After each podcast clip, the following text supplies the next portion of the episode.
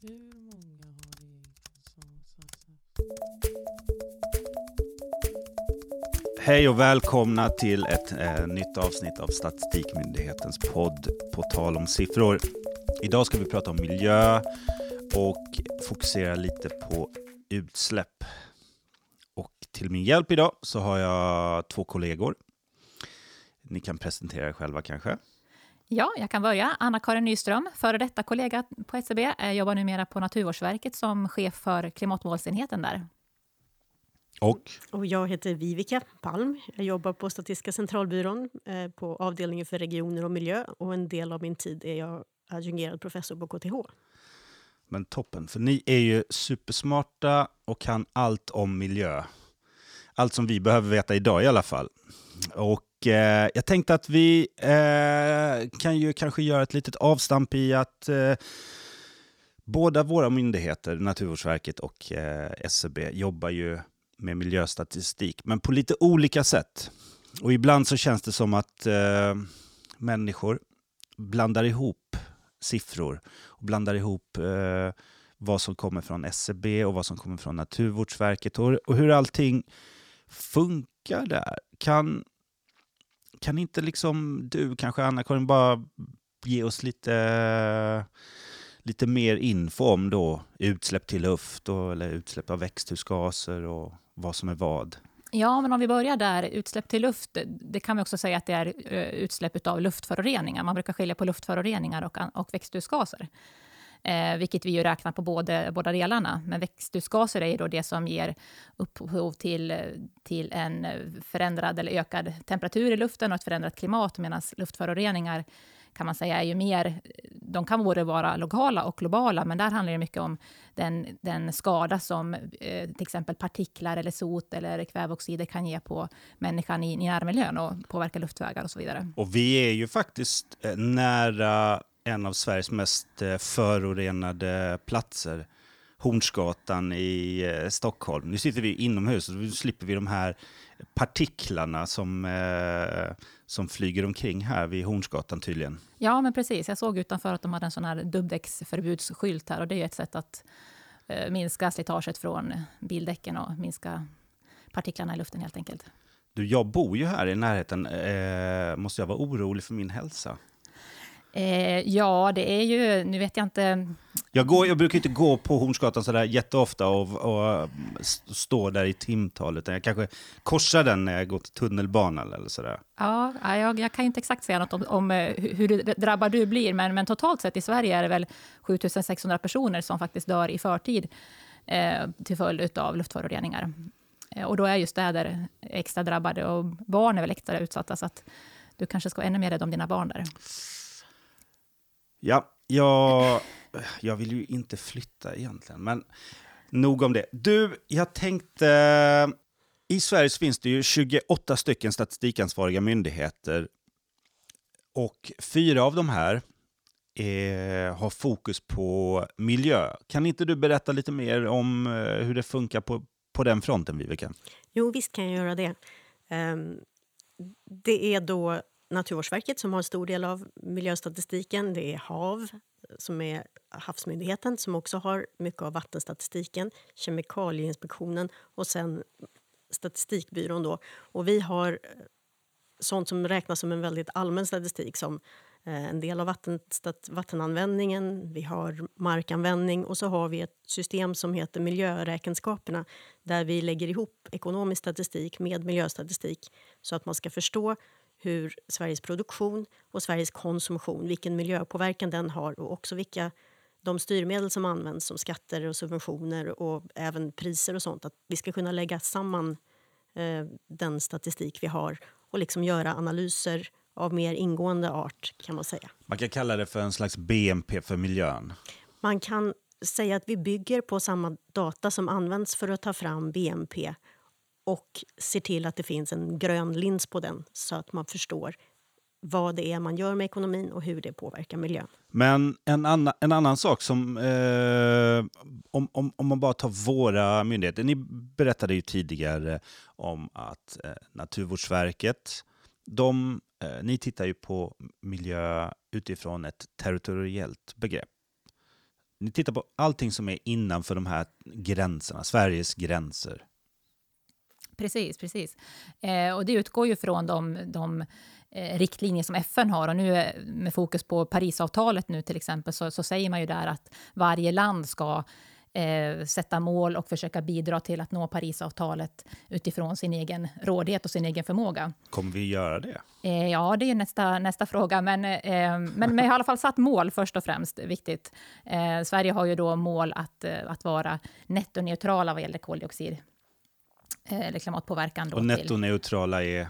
Eh, Nettoneutrala innebär då att eh, man kan fortfarande ha vissa utsläpp, men i så fall kompenserar man det med så kallade kompletterande åtgärder. Som Vad kan det vara för någonting? Det kan vara till exempel att man gör insatser i andra länder så att man får en minskning där. Det kan vara att man får ett, ett eh, ökat upptag i, i skogen. Så man inte, ja, en viss del där kan vi, kan vi tillgodoräkna oss. Eh, och det tredje är att man kan, eh, vilket vi tittar på nu, eh, eh, fånga in koldioxid eh, vid fabriker till exempel eh, punktkällor och då fånga in den, komprimera den så att den blir flytande och sen lagra den under havsbotten i, eh, i Norge till exempel. Det kallas för. CCS, Carbon Capture and Storage.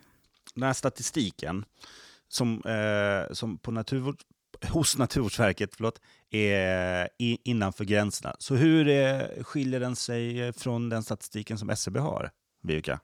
Det som är eh, den stora skillnaden är att vi också har möjlighet att titta på dels eh, det som vi importerar från andra länder, vilken miljöpåverkan det har som en del av konsumtionen.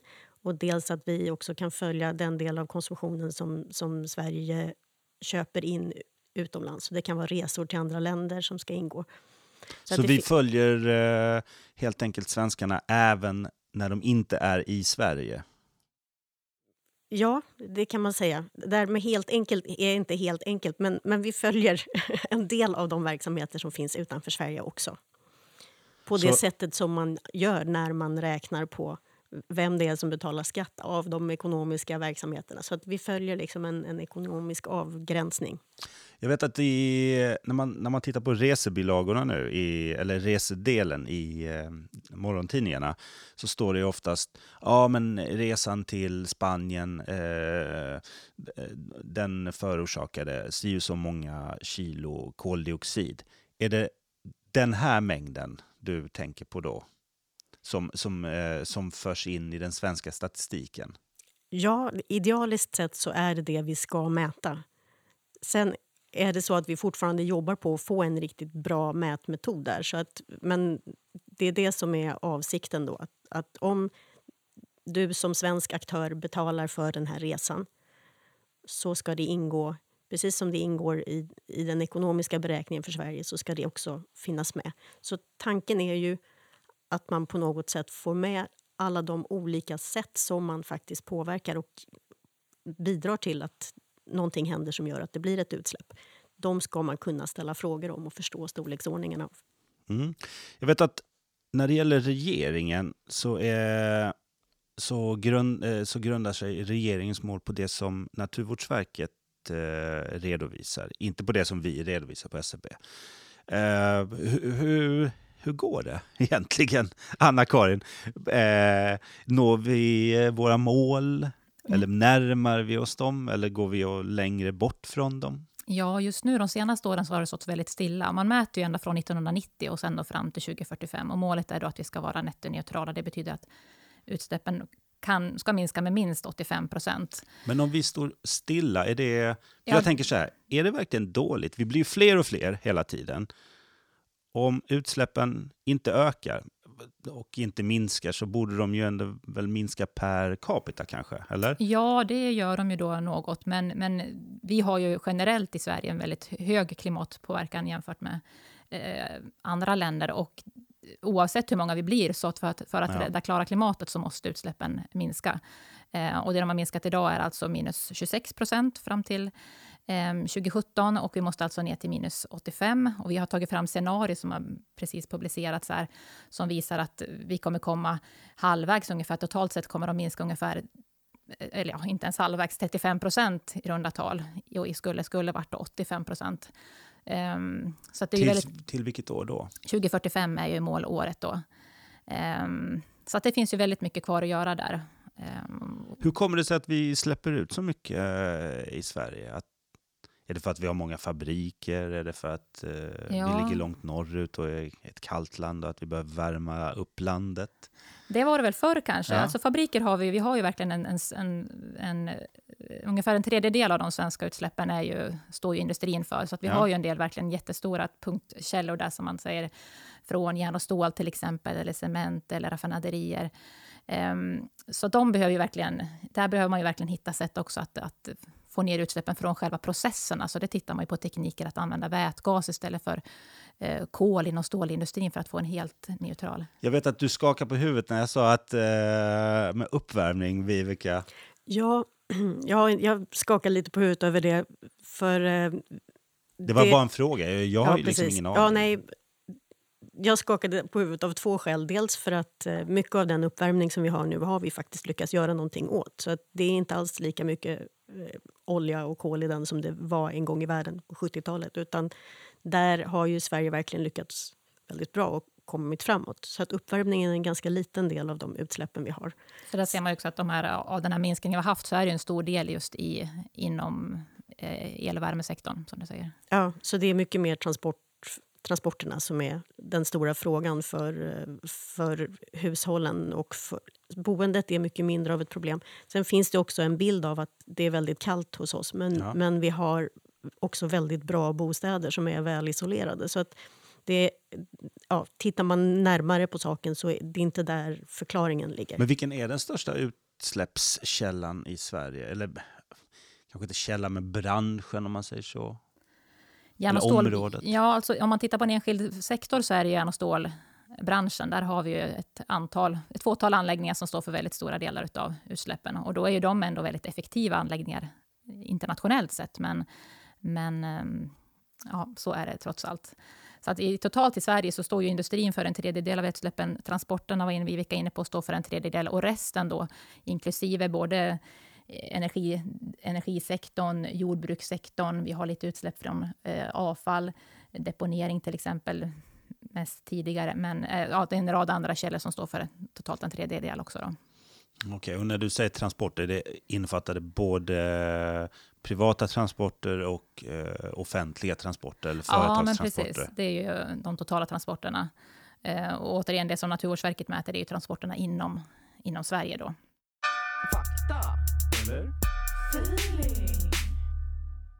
I Sverige måste vi minska våra utsläpp med minst 85 procent för att nå klimatmålen. Fakta eller feeling? Fakta. Det är fakta. Om vi vill nå klimatmålen behöver alla i världen släppa ut maximalt ett ton koldioxid i genomsnitt per person och år. Idag släpper varje svensk ut 5 ton inom landets gränser och 10 ton totalt när man räknar in alla utsläpp. Ja, jag tänkte att vi kunde fortsätta och prata lite om de här 10 tonnen. För det är ju ett begrepp, eller en siffra i alla fall, som brukar eh, återkomma. En, inte hela tiden, men relativt ofta, ofta ändå. Ja, men tittar man som privatperson så kan det vara lättare att relatera till den utsläpp som min konsumtion ger upphov till, just eftersom det inte bara är vad som sker i Sverige som jag har påverkat, utan även då utsläppen utomlands. Och då får man ju med även då eh, alla de flygresor som man gör, som kanske oftare är eh, utomlands än, än inom Sverige. Och man får också också med all den mat till exempel som vi konsumerar, som vi har importerat. Så att det är ett bra mått om man vill eh, titta på hur, hur min egen på, klimatpåverkan. Men om man eh, försöker då dela upp de här 10 tonnen i eh, olika beståndsdelar, kan, eh, kan inte du göra det? Vivica, liksom bara eller är det Anna-Karin som ska göra det? Ja, jag tar gärna den. Ja, då okej, kör på Anna-Karin och bara berätta vad, vad som kommer från vad. Ja, men om man pratar om 10 ton så brukar man säga att av dem så är det 6 ton som vi eh, privatpersoner står för. De övriga fyra är mer offentlig konsumtion som att man bygger vägar, sjukhus, broar och konsumerar där. Så det kanske inte du och jag kan påverka på samma sätt. Men vi har 6 ton som vi själva släpper ut och då är det ungefär 2 ton som står för våra resor. Varav ett ton då är transporter, framförallt bilar, och ett ton är från flyg. Eh, Man kan säga att varje resa till Spanien, södra Spanien tur och retur ger ett ton utsläpp. Så det är Per person. per person. Så att, eh, ja, där är man ju snabbt illa ute om man gillar att flyga. Sen har vi maten, två ton, eh, varav kött står ett, eh, köttet står för ett ton. Av de här två. Precis. Så att kan man minska ner på sitt, sin köttkonsumtion så ger det också väldigt stor effekt. Och där är det också skillnad på olika sorters kött. Och sen har vi då eh, bostaden, vi pratade lite om det tidigare, eh, och det. övriga utsläpp. Men jag tänker det är ju jätte, jättesvårt att komma ner till ett ton. Om, om man då själv ska försöka göra allt det här, om, om, man, om ett ton är målet och fyra ton av de här tio ton eh, kommer från saker som man inte själv kan påverka, då är det ju omöjligt. Jag tänker att det blir omöjligt om man tänker att man ska göra det helt själv. Ja, Men eftersom fossilbränslen är en sån... Eh, någonting som alla använder, det används överallt i hela samhället. Så det är inte någon, alltså alla behöver göra någonting. Jag tycker ofta man läser i tidningen så, finns det, så vill folk att det ska finnas en sak man kan göra. just det. Liksom, om jag ändrar den här, då blir det väl bra. Men problemet är så pass eh, omfattande att, att liksom, om någon klarar av att göra någonting som gör att det blir 1% bättre så det, är det bra. Så att man kan inte liksom bortse från Eh, att samhället måste göra någonting i stort och att man också själv som del i samhället måste göra någonting. Och eftersom olika människor har olika eh, ansvarsområden så betyder ju också det att om du har en väldigt bra idé om hur just din verksamhet ska kunna göra det bättre så bidrar du till det. Men man kan inte liksom hoppas på att det är någon som ska knipa den här enda grejen utan det är ju verkligen en omställning. Mm. Naturvårdsverket har ju precis lagt fram till, till regeringen ett, underlag till en klimathandlingsplan. Och det är precis som Vivica säger, då, där tittar man mycket på vad, vad kan regeringen och liksom inom politiken, vad kan man göra där? Och det blir ju verkligen ett, ett brett ett brett spektra av delar som behövs. Det är ju allt ifrån elektrifiering till att använda biomassa på rätt sätt eh, till att få till en liksom cirkulär ekonomi där vi blir ännu bättre på att återanvända material. Eh, så det behövs ju väldigt mycket från central och statlig håll som gör sen att vi som privatpersoner kan lättare ta, göra de här bra besluten som minskar klimatpåverkan. Innan den här eh, inspelningen så eh, gick jag faktiskt till eh, den lokala återvinningscontainern och slängde in ner lite plastgrejer som skulle återvinnas och lite glas. Eh, jag försöker äta lite mindre kött. Eh, jag försöker att resa lite mindre med flyg. Eh, men jag, jag, jag vet inte hur mycket det bidrar, men jag försöker i alla fall göra någonting. Eh, ja. Och det här med köttet, det kan jag säga så. Om det gör jag bara för miljöns skull. Inte för att jag tycker eh, att vegetarisk mat är så otroligt mycket godare. Eh, så där plågar jag mig själv. Jag tycker det kan vara varje gång. ja, nej, men det handlar väl om hur man tillagar det, tänker jag. Goda kryddor, eller samma kryddor på en vegetarisk Ja. färs kan ge samma resultat. Men, eh, Ja, jag, jag är skeptisk. Men det, det, det, det är min egen... Det, det är vad jag, jag försöker göra i alla fall. En sak som jag tycker är väldigt trevlig är ju... eh, KTH har just haft ett, ett stort projekt som de kallar för Bortom BNP där de undersöker olika... Liksom, hur kan man leva och faktiskt ha ett mycket mindre utsläpp. Och vad jag tyckte att jag lärde mig av det var att det går alldeles utmärkt. Det är inte, något, det är liksom inte, det är inte en utopi, även om det låter som en utopi. Utan, eh, ibland tänker jag på min morfar som alltid hävdade liksom att Sverige var bäst på 50-talet. Det var kanske för att han var ung på 50-talet. Men jag tänker också att det har, varit, liksom, det har skett väldigt stora förändringar. Och själva grunden är det som är viktigt för människor. Den är inte beroende av att vi ska konsumera så mycket fossilbränslen som möjligt. Utan det finns liksom ett, ett helt okej liv att leva. Själv skulle jag inte tycka att det var något tråkigt om man kunde få åka elektrifierade båtfärger eller om det fanns mer elbilar. Det, tekniken finns, men, men vi har inte alls styrsystemen inne för att, för att faktiskt se till att den här eh, farten som vi behöver för att komma fram är Men tillräckligt vad- stor. Jag har ju skrivit här i mitt körschema som en slags av, avslutande punkt. Så här, vad är det man kan göra? Och då tänker jag så här. Eh, finns det någonting som är bättre att göra än någonting annat? Är det bättre att... Eh, ah, vi kan ta en sån här klassiker. Är det bättre att sluta flyga eh, utomlands? Eh, då menar jag långa flygresor? Eller är det bättre att äta mindre kött till exempel? Eller inget kött alls? Eller sluta köra bil?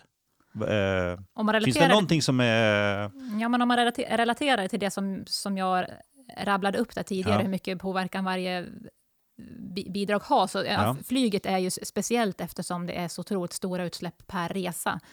Så att reser du idag tre gånger per år, kan du undvika en av de resorna, ja, då blir det ju kanske ett ton istället för, eller två ton istället för tre ton. Så det kan man undvika resor och hitta spännande resmål i Sverige eller att ta tåget ner till Europa, det är väl verkligen det största du kan göra. Men som sagt, eh, alla, alla bidrag behövs ju. Jag tänker att det viktigaste är att börja med någonting. Att det är liksom, för att ofta så förefaller ju... De, de flesta människor tycker inte om att ändra sig. Så det mesta verkar helt oöverstigligt. Men börjar man så visar det sig att det är ganska mycket som inte är någon, någon stor omställning. Ja, men det låter bra. Jag tar åt mig och jag ska börja försöka börja att äta kött, eh, ännu mindre kött. Vi säger att jag skippar kött minst två dagar i eh, veckan. Okej? Ja. Jag börjar med det. Och sen, Och sen- tänker jag att, vi, att eh, hela den här omställningen kommer ju bli någonting positivt.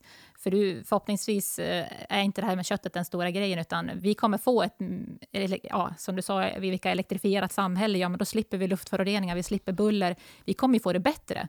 Och det är det som är spännande också, att om Sverige verkligen är på hugget här och gör väldigt mycket snabbt, så kommer ju andra länder titta på vad vi gör och eh, inspireras. Absolut. Vi får väl hoppas att vi överlever och eh, eh, så vi kan upp, uppleva den här världen av elektrifierade fordon. Ja, då.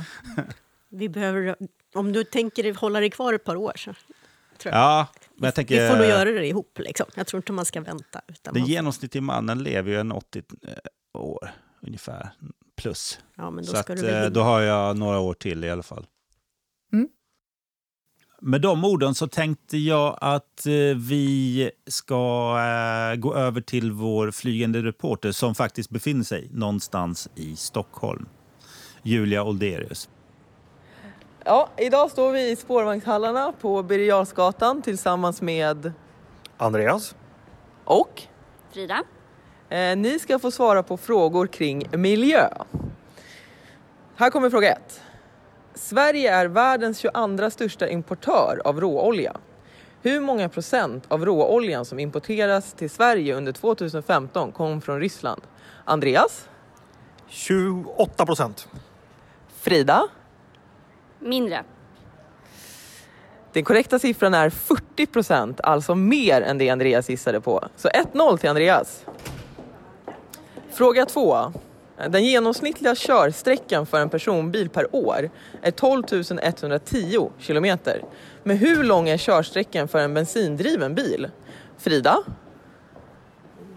17 000 mil. Andreas? Mindre. Det är mindre. Den korrekta siffran är 9270 kilometer per år. 2-0 till Andreas. Nu, fråga tre. Under januari till mars i år har det registrerats knappt 76 000 nya personbilar. Hur många av dessa är rena elbilar? Andreas? 8 000. Frida? Fler. Det är färre. Det är 4 112 stycken. Det är så 3-0 till Andreas, vilket egentligen betyder att han har vunnit. Men vi kör alla fem. Fråga fyra. Med hur många procent har de totala utsläppen minskat sedan 1990? Frida? 12 procent.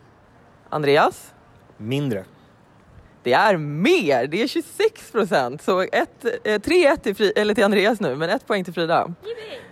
Eh, sista frågan.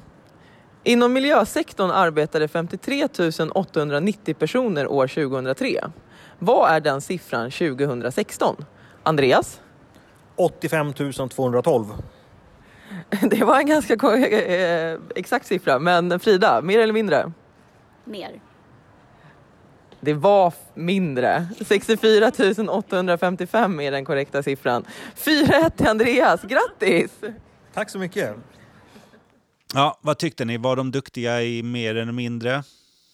Ja, det är ju svårt. Eh, det är ju svåra frågor det här. Det är ju, man tänker elbilarna, det är ju väldigt små volymer än så länge. Eh, och så det är jättespännande att det, att det växer. Och man ser ju i Norge är det ju redan, man spår att i år kommer det vara 50 procent av nybilsförsäljningen som kommer att vara elbilar. Och de subventionerar ju Norge, så att det finns ju styrmedel att ta till. Och även på EU-nivå kommer man ju höja, pratar man om att höja kraven på eller sänka nivåerna på hur mycket bilar ska släppa ut. Så att eh, med hjälp av styrmedel så eh, kommer den här andelen bara att öka tror jag. Hade du klarat frågorna, Viveka? Så där får jag väl säga. Elbilarna som vi pratade om, hade du fixat den frågan? Nej, jag tror inte det. Jag tycker de var duktiga. Ja. Tack Anna-Karin Nyström från Naturvårdsverket att du ville komma hit. Och tack Vivica Palm från SCB för att du också ville vara med här i vårt avsnitt om miljö och utsläpp till luft. Och så hörs vi om ett tag.